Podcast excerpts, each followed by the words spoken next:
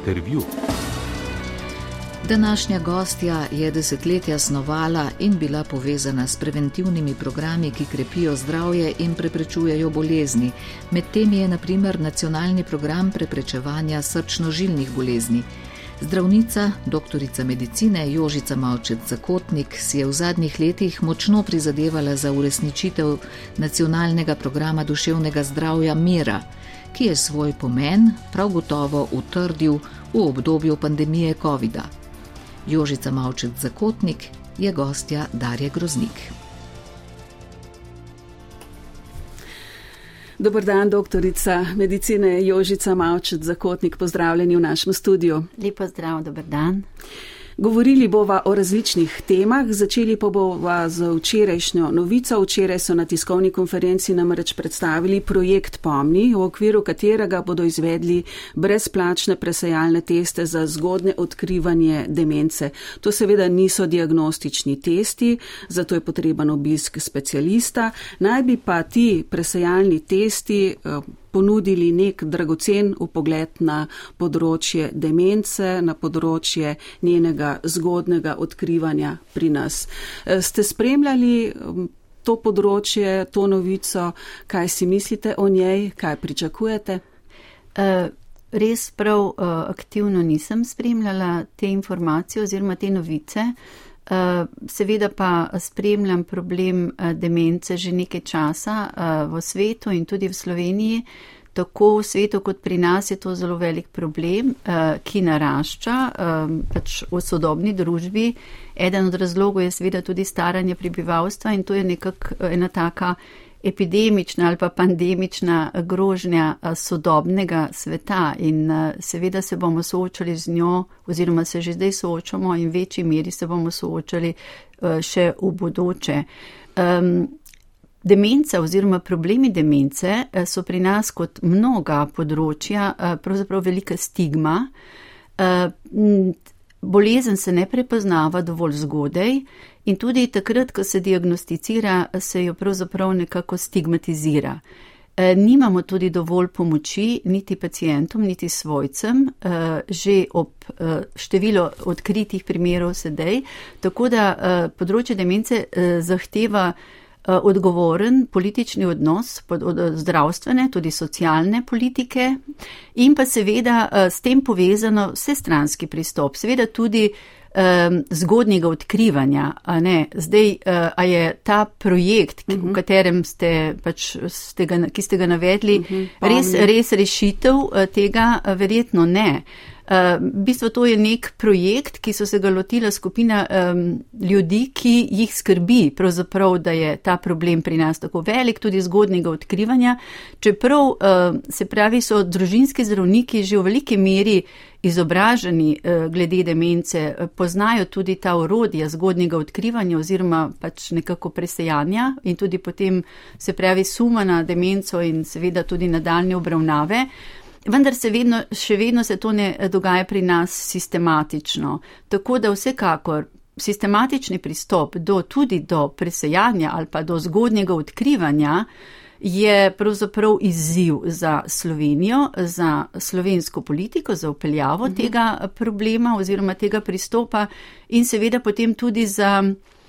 Eh, se pravi organizacijo tega, ker organizacija oziroma organiziran pristop k presejanju pravzaprav zahteva veliko um, organizacijskih rešitev, se pravi potem tudi izobraževanje, usposabljanje strokovnjakov, ki bi to delali ali pa priučenih strokovnjakov, ki bi pravzaprav uh, presejali um, za demenco eh, da pravzaprav ne naredimo več škode kot koristi in seveda potem povezava z primarnim zdravstvom, um, ki potem prevzame nadaljnjo, um, nadaljne postopke uh, diagnosticiranja in pa pač skupaj z specialisti obravnave in vodenja. Zdaj, uh, Zgodnje odkrivanje je sigurno eden od zelo pomembnih problemov. Drug problem je seveda pa potem tudi, ko odkrijemo že bolezen, uh mhm. -huh. se pravi ustrezna podpora eh, bolnikom, ker to so res specifični bolniki, ki rabijo veliko prilagoditev. Zdravila pa še vedno ni. Zdravila seveda takega, ki bi nam od, uh, obetal ozdravitev, ni. Je pa seveda možno bolezen upočasniti, pomagati, da ne pride do hitrih ali pa do zelo hitrih poslabšanj. In zato je pomembno, se pravi, da, da zgodaj odkrijemo, da začnemo zgodaj zdraviti s tistimi zdravili, ki jih imamo in pa seveda, da pacijente ustrezno podpremo v družbi, v okolici, seveda svojce ali pa priučene Eh, se pravi nevladne organizacije, ki pomagajo. In um, za ta namen je ministrstvo že pred, pred približno um, štirimi leti, petimi pripravilo strategijo za področje uh, demence, vendar. Kot, mhm. kot to je pri nas, že pri mnogih problemih, potem stvari kar zastanejo, pač mhm. potem noben ga več ne skrbi, da bi se to organizirano in sistematično naprej dogajalo. Mhm. Ni konkretnega akcijskega, ni konkretnega plana. akcijskega plana, ni vložko v to. To zares uh -huh. pri, pot, uh, rabi, se pravi, uh, organiziran pristop uh, politike, stroke in pa seveda tudi medresornih različnih služb, ki potem seveda uh -huh. uh, implementirajo take stvari. No, mogoče bo pa ta projekt pomni, ki sem ga omenila, pa nek dobrodošel kamenček na tem področju. Sva pri COVID-u, epidemija COVID-a epidemiji COVID-a bo sledila epidemija duševnih bolezni. To smo veliko krat slišali strani strokovnjakov. Mogoče še nikoli niso bili tako enotni. Govorim o teh strokovnjakih, ki se ukvarjajo z duševnimi težavami, boleznimi. Če pogledava številke, seveda v ponedeljek so zaznali 4200 novih okužb. Te številke rahlo in zaskrbljujoče se višajo, to je treba povedati. Ampak, ko govorimo o duševnih težavah, o duševnih bolezni, COVID je gotovo spremenil naša življenja in predvsem otroke in mladostnike oropal neke normalnosti, um, nekega socialnega razvoja. Naj navedem mogoče podatek tom telefona, ki je edini telefon za otroke in mladostnike. Tom telefon je v času COVID-a detektiral za 67 odstotkov več um, problemov, kar zadeva duševno zdravje. In če primerjamo COVID um, obdobje z obdobjem brez COVID-a, kar pa je še bolj strašljivo, je, se je močno povečalo število klicev, ki govorijo o samomorilnih razmišljanjih naših otrok, mladostnikov, kar za skoraj štirikrat več je bilo teh pogovorov svetovalnih oziroma vprašanj strani otrok in mladostnikov. Kaj lahko dodate na tem področju? Skratka, COVID se tudi vi strinjate, da je COVID nekako razgalil številne probleme, ki jih imamo kot družba na tem področju ja. zagotavljanja ja. duševnega zdravja. Res je. Um, pravzaprav so težave v duševnem zdravju uh, rasle že uh, vse v zadnjem desetletju ali še dlje. In seveda eh, najbolj se je to odražalo pri eh, problemih na področju, na področju duševnega zdravja otrok in mladih. To so opozarjali strokovnjaki na tem področju že pred epidemijo v zadnjem desetletju. Opozarjali so na naraščujoče probleme in seveda na pomanjkanje služb in pa pravzaprav rešitev podpore otrokom in mladim. In vse, kar ste navedli pravzaprav iz vaših podatkov, tom telefona, se pravzaprav eh, odraža tudi eh, iz podatkov klinične prakse. Um, zdaj, recimo, uh, število ali pa pravzaprav delež tistih, ki so iskali pomoč zaradi samomorilnih eh, poskusov ali pa zaradi samopoškodovanja, se je povečalo za več kot 60 odstotkov. V določenih obdobjih celo za 70%. Ravno tako eh, delež recimo resnih moten hranjenja, ki tudi lahko ogrožajo življenje otrok in mladih, prav za tak delež. Eh, potem so seveda tukaj problemi um, stisk, anksioznosti, eh, depresije. Eh, otroci in mladostniki že pred epidemijo eh, pravzaprav so dobili pomoč samo v približno 30 do 40 odstotkov tisti, ki so jo rabili.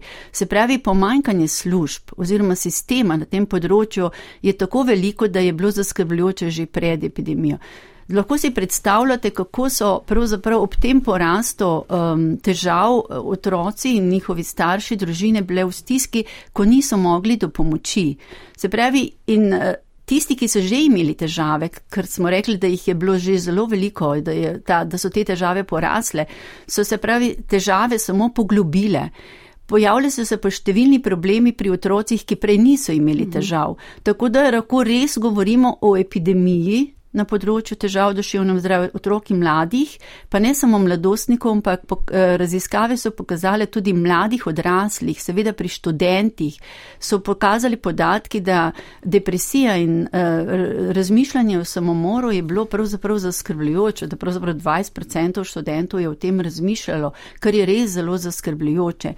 Tako da, um, se pravi, ta mlada populacija je eh, res dejansko zelo nastradala zaradi pravzaprav izolacije, zaradi skrbi, strahov, eh, s katerimi so se soočali, zaradi zaprtja, eh, ostajali so doma in najbolj so seveda nastradale družine oziroma pravzaprav otroci, ki so že prej pač živeli v disfunkcionalnih družinah, v teh najbolj ogroženih skupinah prebivalcev, se pravi, ali so to bili pravzaprav, pravzaprav odvisni od alkohola, kakšne kronične bolezni, duševne bolezni, socialno uh, in ekonomsko ogrožena populacija in teh je bilo zelo veliko. In ti so pravzaprav tudi po raziskavah imeli toliko več težav, uh, omenjeni, da ne bomo ponavljali katere, v primerjavi z tistimi, ki pravzaprav živijo v urejenih razmerah, pa tudi uh, ti isti so imeli veliko slabši življenjski slog, se pravi, kar se tiče gibanja, kar se tiče prehrana, kar se tiče poseganja po recimo alkoholu, kajenju, po že tudi po resnih drogah. Tako da, poleg tega, da imamo veliko težav na področju duševnega zdravja v celotni populaciji otrok in mladih, imamo zelo, zelo neenakomerno porazdeljene te težave, se pravi, ogrožene otroke, družine ki pa seveda ne morejo do pomoči in to je mhm. tisto uh -huh. zaskrbljujoče. Ampak ravno to ne bi reševal nacionalni program Mira. Vi ste vodili implementacijo tega programa, bili ste uh, zaposleni um, na NIEZ-ju, zdaj ste sicer nekaj mesecev že upokojeni, ampak um, ja. o tem programu zelo ja. veliko veste in ja. zelo opazna so bila vaša prizadevanja. Ta program velja za desetletno obdobje od leta 2018 do 2008. 2027. Eh, kaj ta program narekuje oziroma ali ste zadovoljni z implementacijo? Je ta program v tem ključnem času COVID-a uspešno prebrodil marsikatero težavo, marsikomu? Seveda govorimo pa o programu v sistemu javnega zdravstva. Ja. Uh, jaz sem zelo zadovoljna z Eh, vsebinami oziroma z rešitvami nacionalnega programa duševnega zdravja.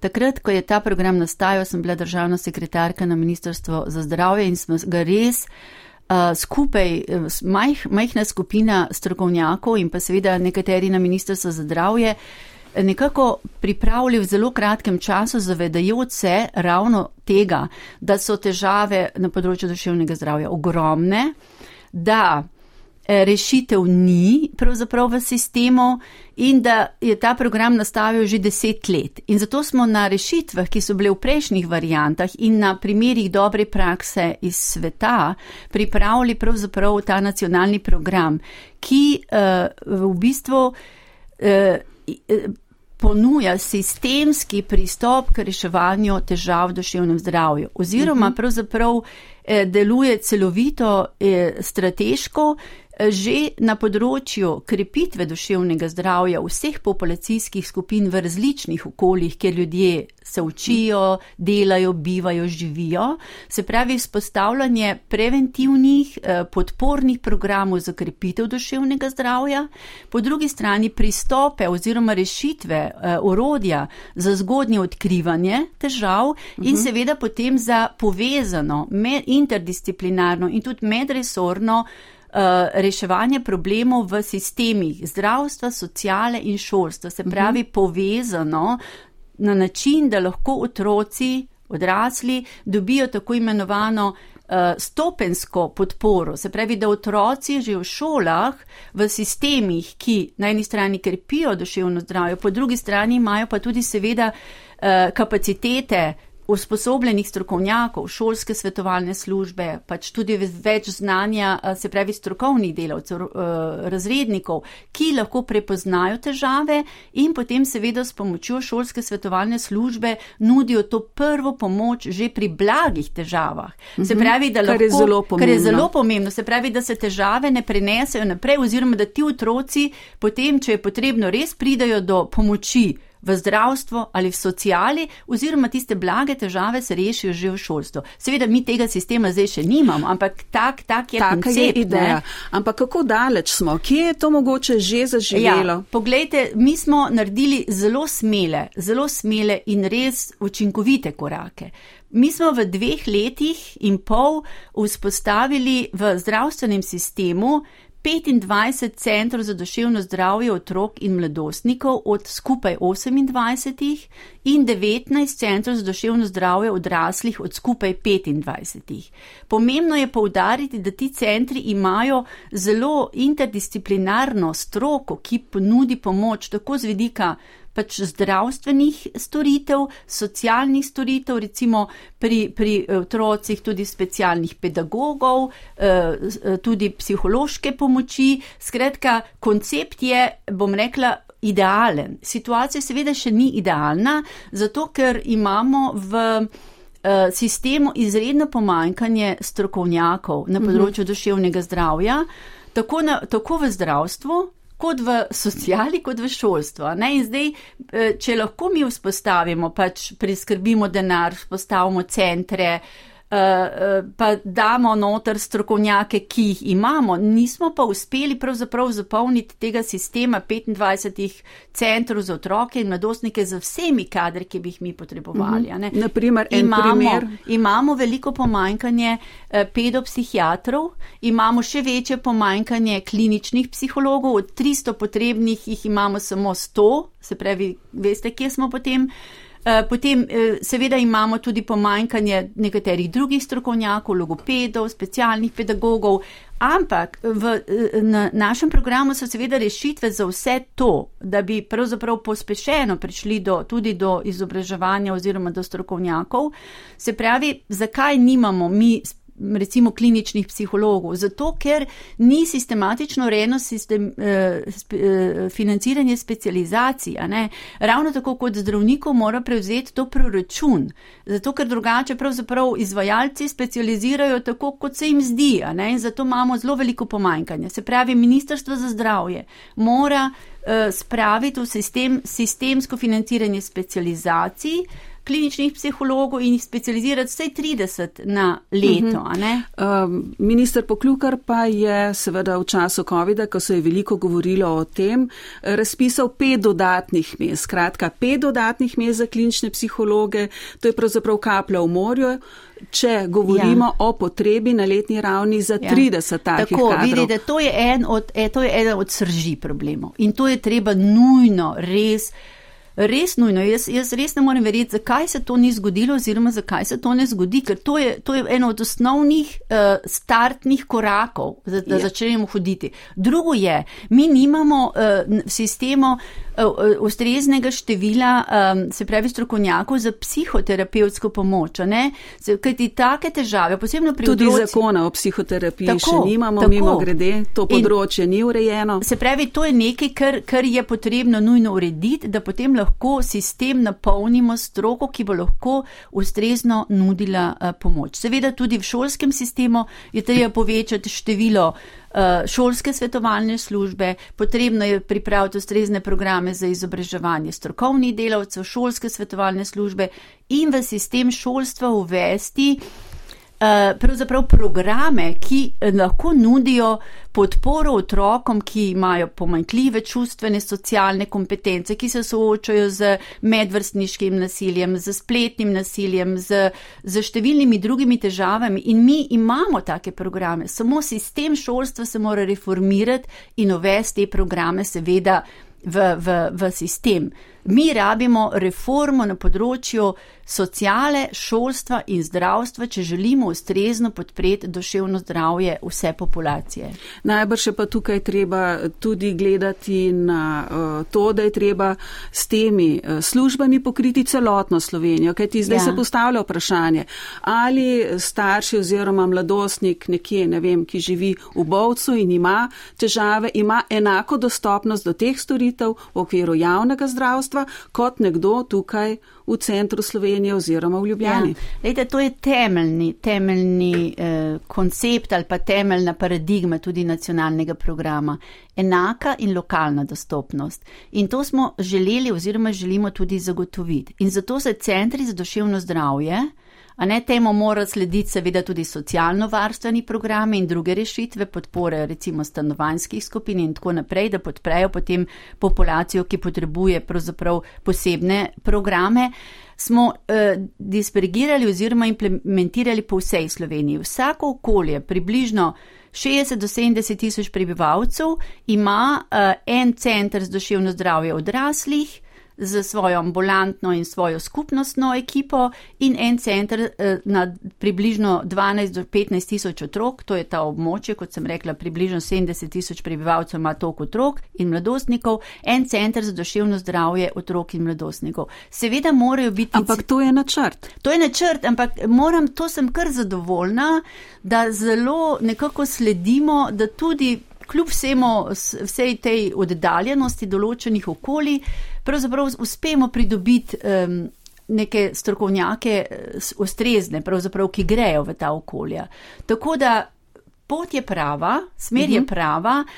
Seveda, zdaj moramo biti zelo, zelo ustrajni, da dosežemo čim prej pravzaprav um, to, kar smo zastavili. In to v desetih letih, se pravi, zdaj smo že leta 22, 23, se pravi, v šestih letih bi mi morali biti, če bi se tudi specializacije iz klinične psihologe dogajale, tako kot smo rekli, ne, bi mi imeli takrat tudi število kliničnih psihologov zadostno, če bi bilo 30 specializacij kliničnih psihologov na leto. Uh mhm. -huh.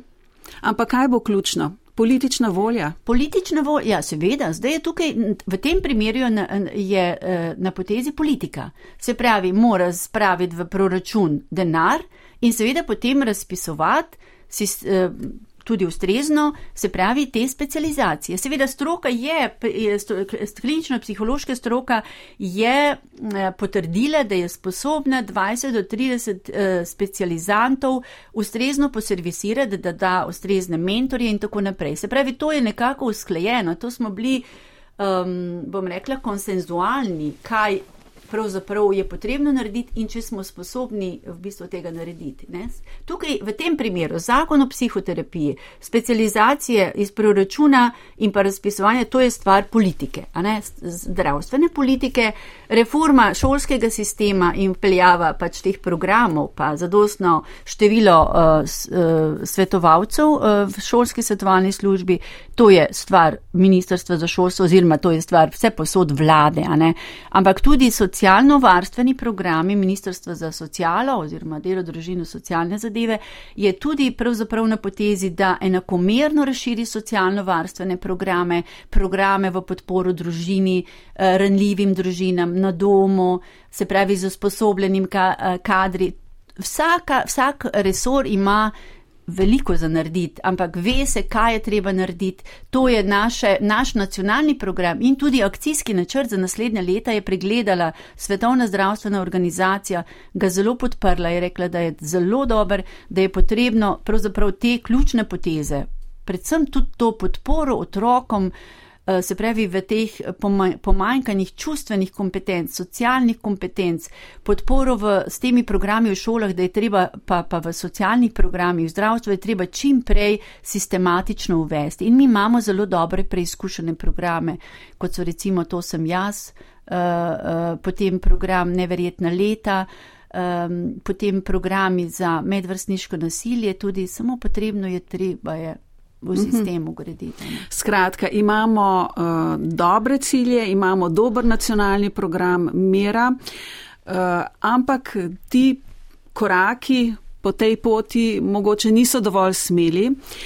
Sama se pa bojim, ker COVID epidemija vendarle pojenja, pojenja se tudi razprava v javnosti, kako um, je prišlo do eskalacije vseh teh problemov, da bo zdaj nekako to potihnilo in pometeno pod preprogo in da bo spet z nekim dokaj počasnim tempom projekt šel naprej. Kaj pa vi? Jaz eh, bi tako rekla. Eh, ko smo ta program snovali, smo razmišljali tudi o implementaciji in pa o menedžmentu implementacije. Se pravi, da ga nekdo upravlja, da ga nekdo spremlja, da ga nekdo ocenjuje, evalvira in da potem tudi deluje v korist eh, implementaciji programa. Eh, pripravili smo, se pravi, eh, skupino strokovnjakov na nacionalnem programu, duši, nacionalnem programu javnega zdravja, ki pravzaprav se sestoji iz predstavnikov različnih resorjev, in pa tudi različnih predstavnikov stroke, 15 eh, interdisciplinarnih delovnih skupin je, potem je strokovni svet, na ministrstvu je bil pa tudi ustanovljen svet za duševno zdravje, ki naj bi pač bdel tudi oziroma pač nekako eh, absorbiral probleme in jih potem sproti reševal. Zdaj, zelo je odvisno, jaz zdaj sicer nisem več, kako se reče, v, po, za tujko špilu, ampak jaz včasih, ker nisem več čutim ta nemir v sebi, kaj bi bilo treba narediti, kaj bi naredila in tako naprej naprej, ne? ker v bistvu da se, da se narediti, moraš biti pa stalno proaktiven, moraš po, politiko, mislim, jaz, če vam povem, koliko dopisov smo pisali vsem ministrom, eh, predsedniku države, predsedniku vlade, eh, mislim, na ministrstvu za, za šolstvo sem bila jaz pravzaprav najmanj na desetih sestankih in morda se mogoče po korakcih zdaj nekako mal premika.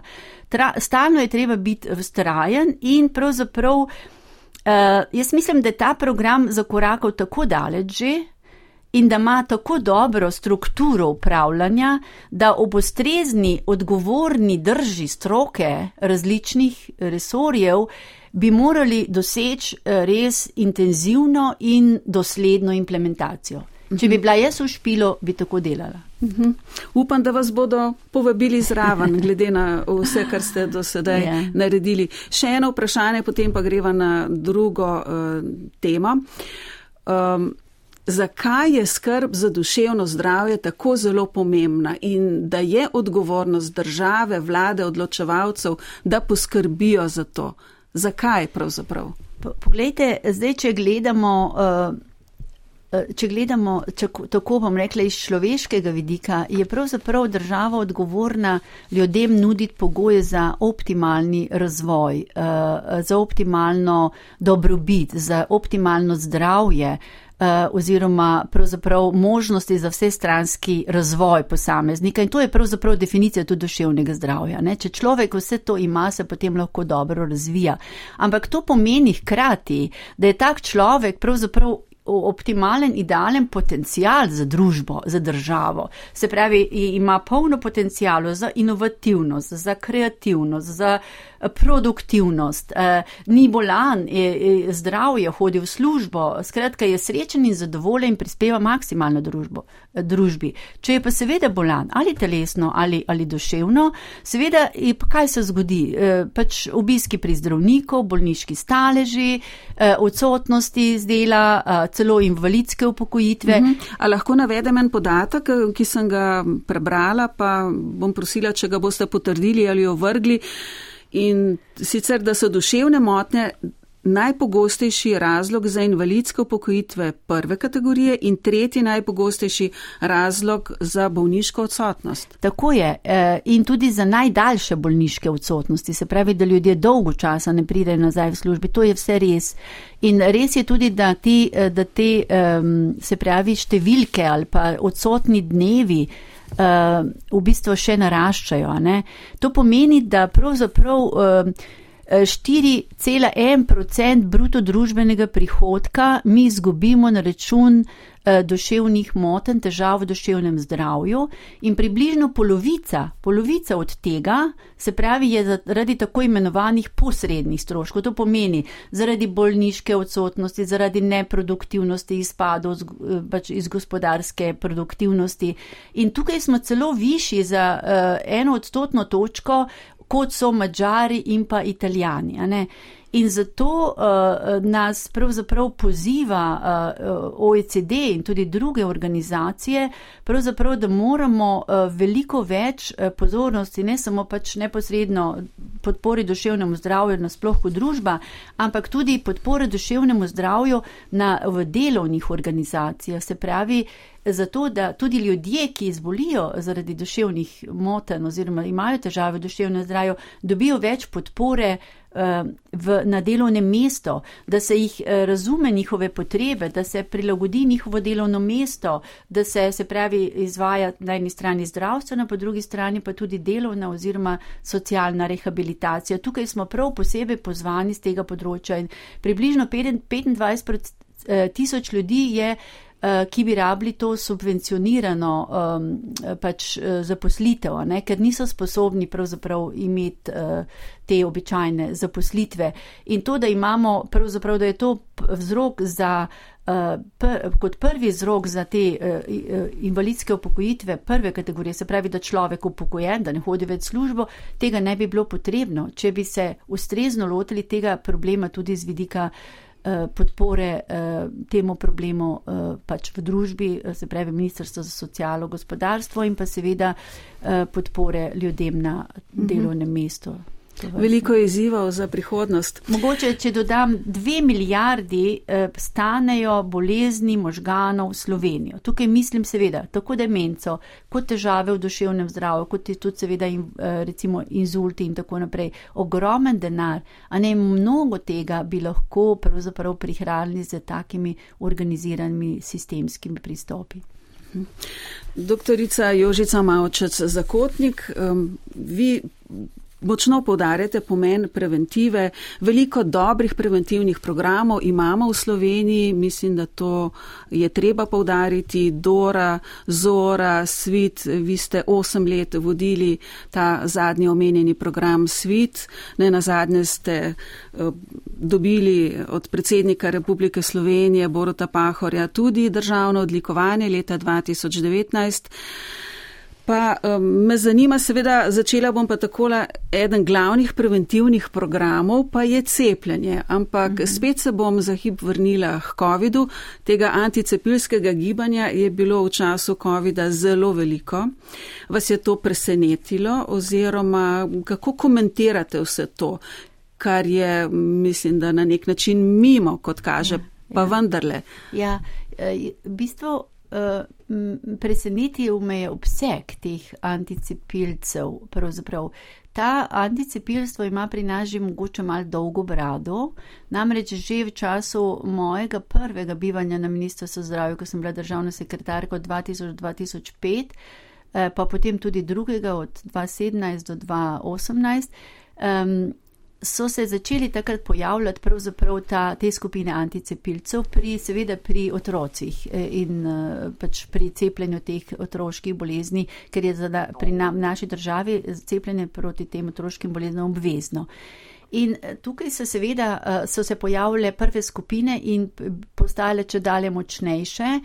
Eh, in pravzaprav ogrožale eh, pravzaprav tudi te spremembe zakona eh, na lezljivih boleznih, ker nekako se je stroka in pa tudi politika malček bala, da bi to pri nas padlo, se pravi ta obveznost pri otroških boleznih.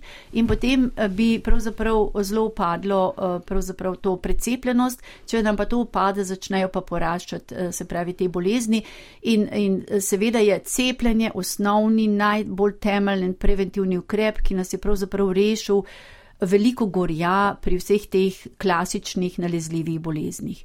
In seveda potem, seveda te neke jedra proticepilske so seveda blažje v družbi prisotna. In v času COVID-a, pravzaprav te neke zmede, um, pač tudi nesoglasi, pravzaprav morda ne dovolj informiranosti, uh, so se poleg teh um, skupin pojavili še pa tudi pač zraven še neki dvomljivci, ki niso mogoče bili a priori anticepilci.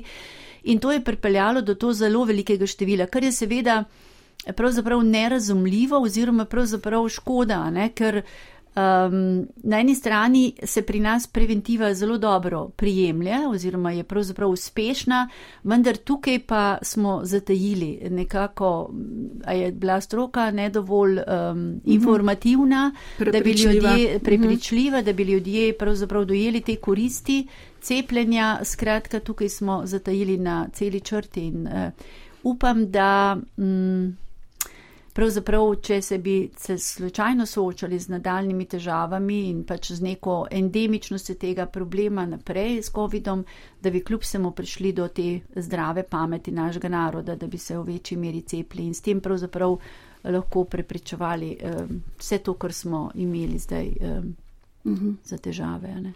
Preventivni programi, ki sem jih omenila, Dora, Zora, Svit. Um, Do česa vse smo še upravičeni v javnem zdravstvu? Pravzaprav, um, ali Poglejte, znamo ja. um, izterjati, uveljaviti svoje pravice tudi poleg teh preventivnih programov? Ja. Imamo še kakšne druge pravice? Ja. Zdaj, vaša napovedovalka je omenila pravzaprav zelo, zelo pomemben en prvi sistematični, organiziran populacijski preventivni program, program preventive srčnožilnih in drugih kroničnih bolezni, ki smo ga uvedli v prakso na osnovi eh, priprav in izkušenj pro, programa CINDI, ki sem ga tudi jaz vodila v letih od 90 do 2000 oziroma vodila sem ga od 97 do 2000, ko sem šla potem na Ministrstvo za zdravje, vendar sodelovala sem v Cindijo prejšnje desetletje 90-2000, kjer smo pripravili ta organiziran, kakovosten pristop do zgodnjega odkrivanja ogroženih prebivalcev za srčno-žilne in tudi nekatere druge kronične bolezni, kot so sladkorna bolezen, debelost. In ta program se je uvedel leta 2000 v prakso. Se pravi, vsi prebivalci takrat, se pravi moški od 35 do 65 leta in ženske od 45 do 70 leta, so upravičene, so bile upravičene, eh, se pravi, do preventivnega pregleda eh, za te kronične bolezni in tisti, tiste osebe, ki so bile visoko ogrožene, da bodo v naslednjih desetih letih zboleli za katero od kroničnih bolezni, so bile deležne zelo kvalitetnih programov podpore spremembe življenjskega sloga. Prehrane, gibanja, kajenja, odpuščanja kajenja, opuščanja alkohola, zdravega mm. hujšanja, telesne aktivnosti, ki so, se pravi, ti programi so bili pa sistematično tudi uvedeni v 61 centrih za uh, krepitev zdravja oziroma takrat imenovanih zdravstveno-zgojnih centrih. Dan danes, to moram povdariti, imajo uh, te programe preventivne izvajo družinski zdravniki, In seveda v centrih za krepitev zdravja oziroma zdravstveno-zgodnih centrih posebej usposobljen kader, tudi interdisciplinaren. Od, od leta 2011 eh, pa se v referenčnih ambulantah izvaja ta program celo nadgrajeno, se pravi, vsi prebivalci moški, ženske od 30. leta dalje imajo pravico do tega preventivnega programa, ki je mhm. sestavljen ne samo preventivnih pregledov, ampak tudi intervencij. Aha, ampak uh, kdo more poskrbeti, da se to izvaja? Eh. Ali mora biti pozoren vsak sam, ali morajo biti seveda pozorni v referenčnih ambulantah, družinski zdravniki? Družinski zdravniki Vemo, ja. da je da na tem področju. Tako, ja. Da ni čisto tako, kot ja, je zastavljeno. Ja, res je to. Uh, družinski zdravniki oziroma referenčna sestra, sestra v tej uh, nadgrajeni ambulanti družinskega zdravnika vsakih pet let povabi populacijo oziroma tistega, ki pride na vrsto na preventivni pregled, upravi osnovni preventivni pregled, preiskave in potem pač s posvetom družinskega zdravnika, če je potrebno, ukrepa naprej, če ni potrebno, pa ponovno čez pet let. Uh, V ambulantah, ki nima, niso še čisto vse ambulante referenčne, se pravi pa seveda v tistih približno eh, manj kot ena tretjina oziroma pravzaprav približno 20% še ni referenčnih, tam pa seveda družinski zdravnik in pa seveda njegova sestra, uh, uh -huh. ki je pač v ambulanti. Jaz mislim, da uh, oboje, ne, jaz bi pričakovala, da pravzaprav uh, tim družinskega zdravnika res sistematično izvaja to preventivo. Zdaj seveda v, tej, uh, v tem kaosu COVID-a to bilo vse porušeno, ne, ampak v času, ko se zdaj vračamo v normalno, uh, normalen čas, upam, da se bo to nadaljevalo. Se pravi, to je zelo uh mhm. -huh. pomemben preventivni program, ker s tem lahko mi preprečujemo zgodnji, uh, zgodnji nastanek vseh kroničnih bolezni, srčno-žilnih, sladkorne bolezni, debe, uh, debelosti, uh, potem tudi uh, o bolezni, kronične bolezni uh, pljučne, kronično mhm. obstruktivno pljučno bolezen, se pa tudi preseje na depresijo v ambulanti referenčne mhm. oziroma za družinskega zdravnika. Seveda, to, sem, to vprašanje sem zastavila Tudi zaradi tega, da vsak, ki je zavarovanec, ve, da je do tega upravičen, da ima pravico, seveda se pa mora zavedati pomembnosti uh, takih ja, pregledov ja, in ja. sodelovanja pri programih, ki sem jih omenila prej, Dora, Zora, Svet. Ja, lejte, takrat, ko smo ta program že srčno-žilne bolezni uveljavili, je bila dejansko prvih, bom rekla, deset let kar 70% odzivnost te programe. Zato smo to uh mhm. -huh. skrbeli, spremljali. Takrat sem bila v te vode upeljana. Ne. Potem sem 2006, eh, pač šli, smo šli pripravljati, ko sem prišla iz ministrstva prvič, smo pripravljali program Svit. Uh mhm. -huh. Tri leta. Ravno to sem želela vprašati, kakšna je odzivnost glede programa Svit? Ja. Gre za program program za zgodne odkrivanje raka, eh, debelega črevesa in danke. Zelo pomembno je, da povemo, da gre za zgodnje odkrivanje predrakavih sprememb in raka in zgodnjih oblik raka. To je zelo pomembno, ker odkrivamo se pravi zgodne eh, predrakave spremembe in z odstranitvijo teh predrakavih sprememb se pravzaprav izognemo raku. In zaradi tega, ker odkrivamo predrakave spremembe in jih odstranjujemo, se je zmanjšalo število novih rakov debelega črevesa za približno 300 do 400 na leto, to je ogromna številka, in zaradi tega je rak debelega črevesa iz prej iz drugega mesta sedaj prišel na peto mesto po pogostosti. Odzivnost, mhm, odzivnost. odzivnost je zelo naraščala vse skozi in se je pravzaprav nekako uh, ustalila pri približno 65%, kar je za, za to vrsto uh, um, bolezni pravzaprav veliko, tudi v drugih državah redko, ki imajo tako veliko odzivnost. Seveda bi se želeli vsaj 70 ali več. Zdaj v času COVID-a je za en procent upadla, um, vendar uh, mislim, da se bo to vsekakor pospeševalo še zdaj v normalnem obdobju. Uh, pri eh, Dori in pri Zori eh, je bila odzivnost večja, nekoliko, ker tukaj so posredi, seveda ženske, ženske so bolj mhm. odgovorne za svojega zdravja, se bolj odzivajo.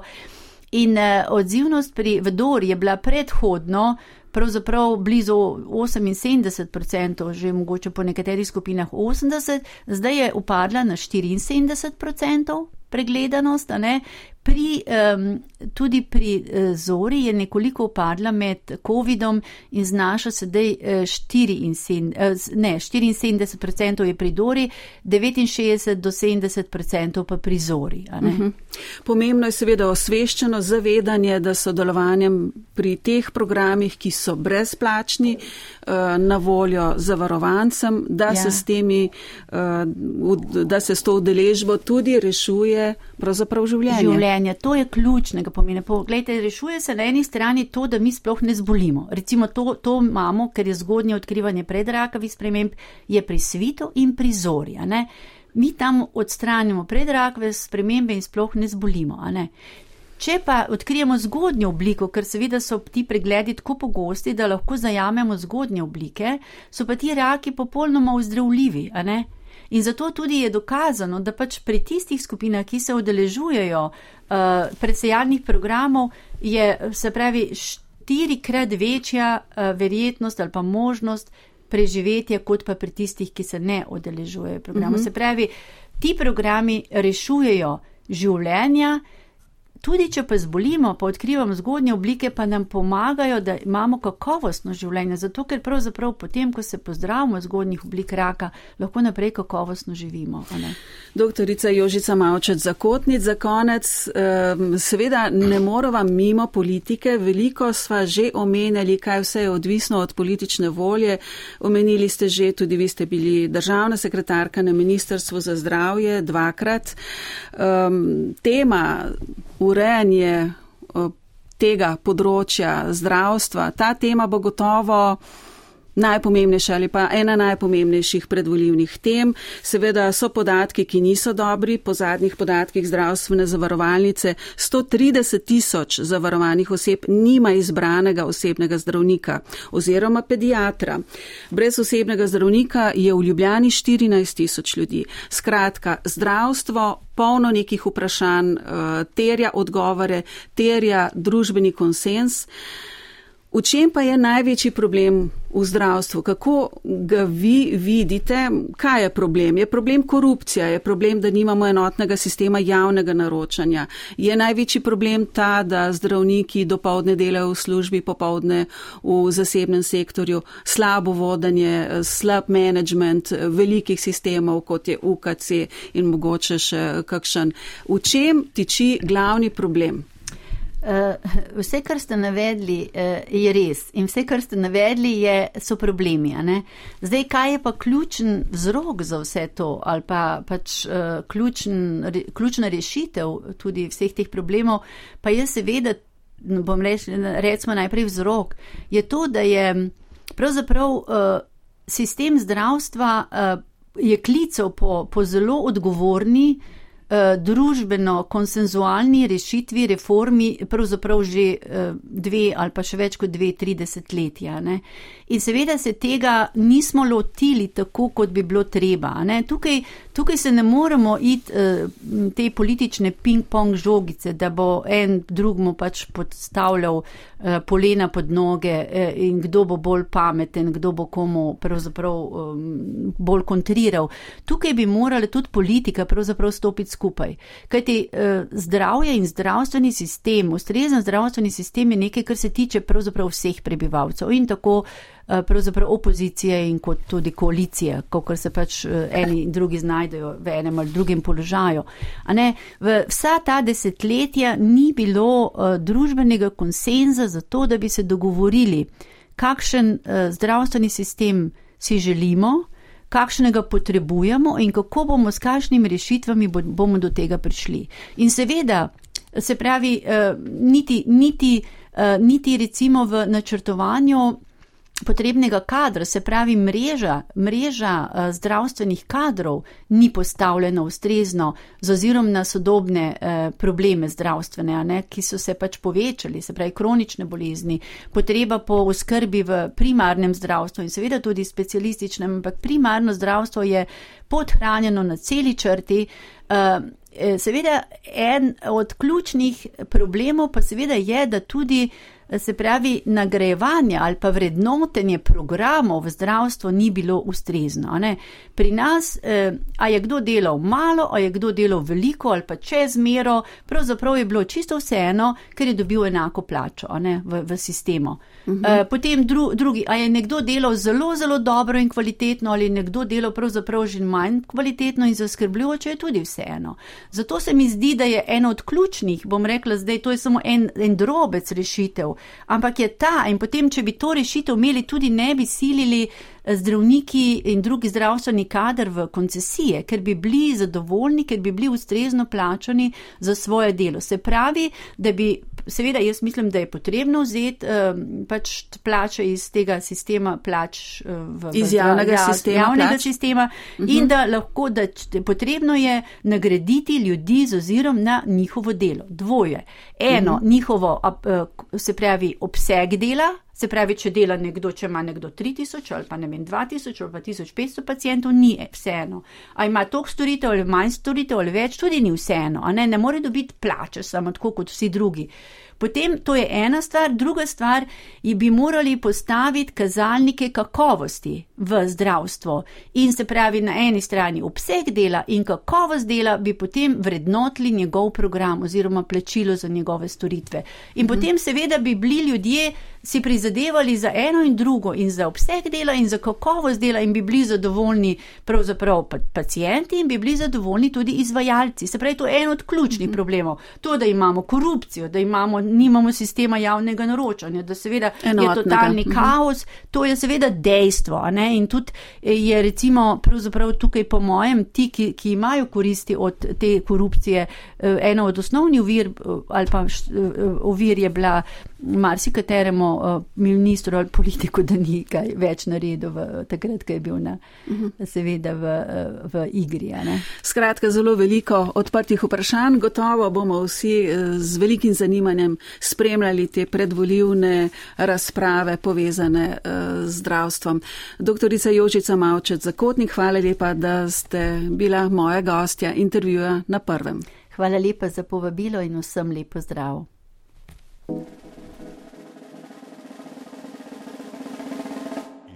Intervju.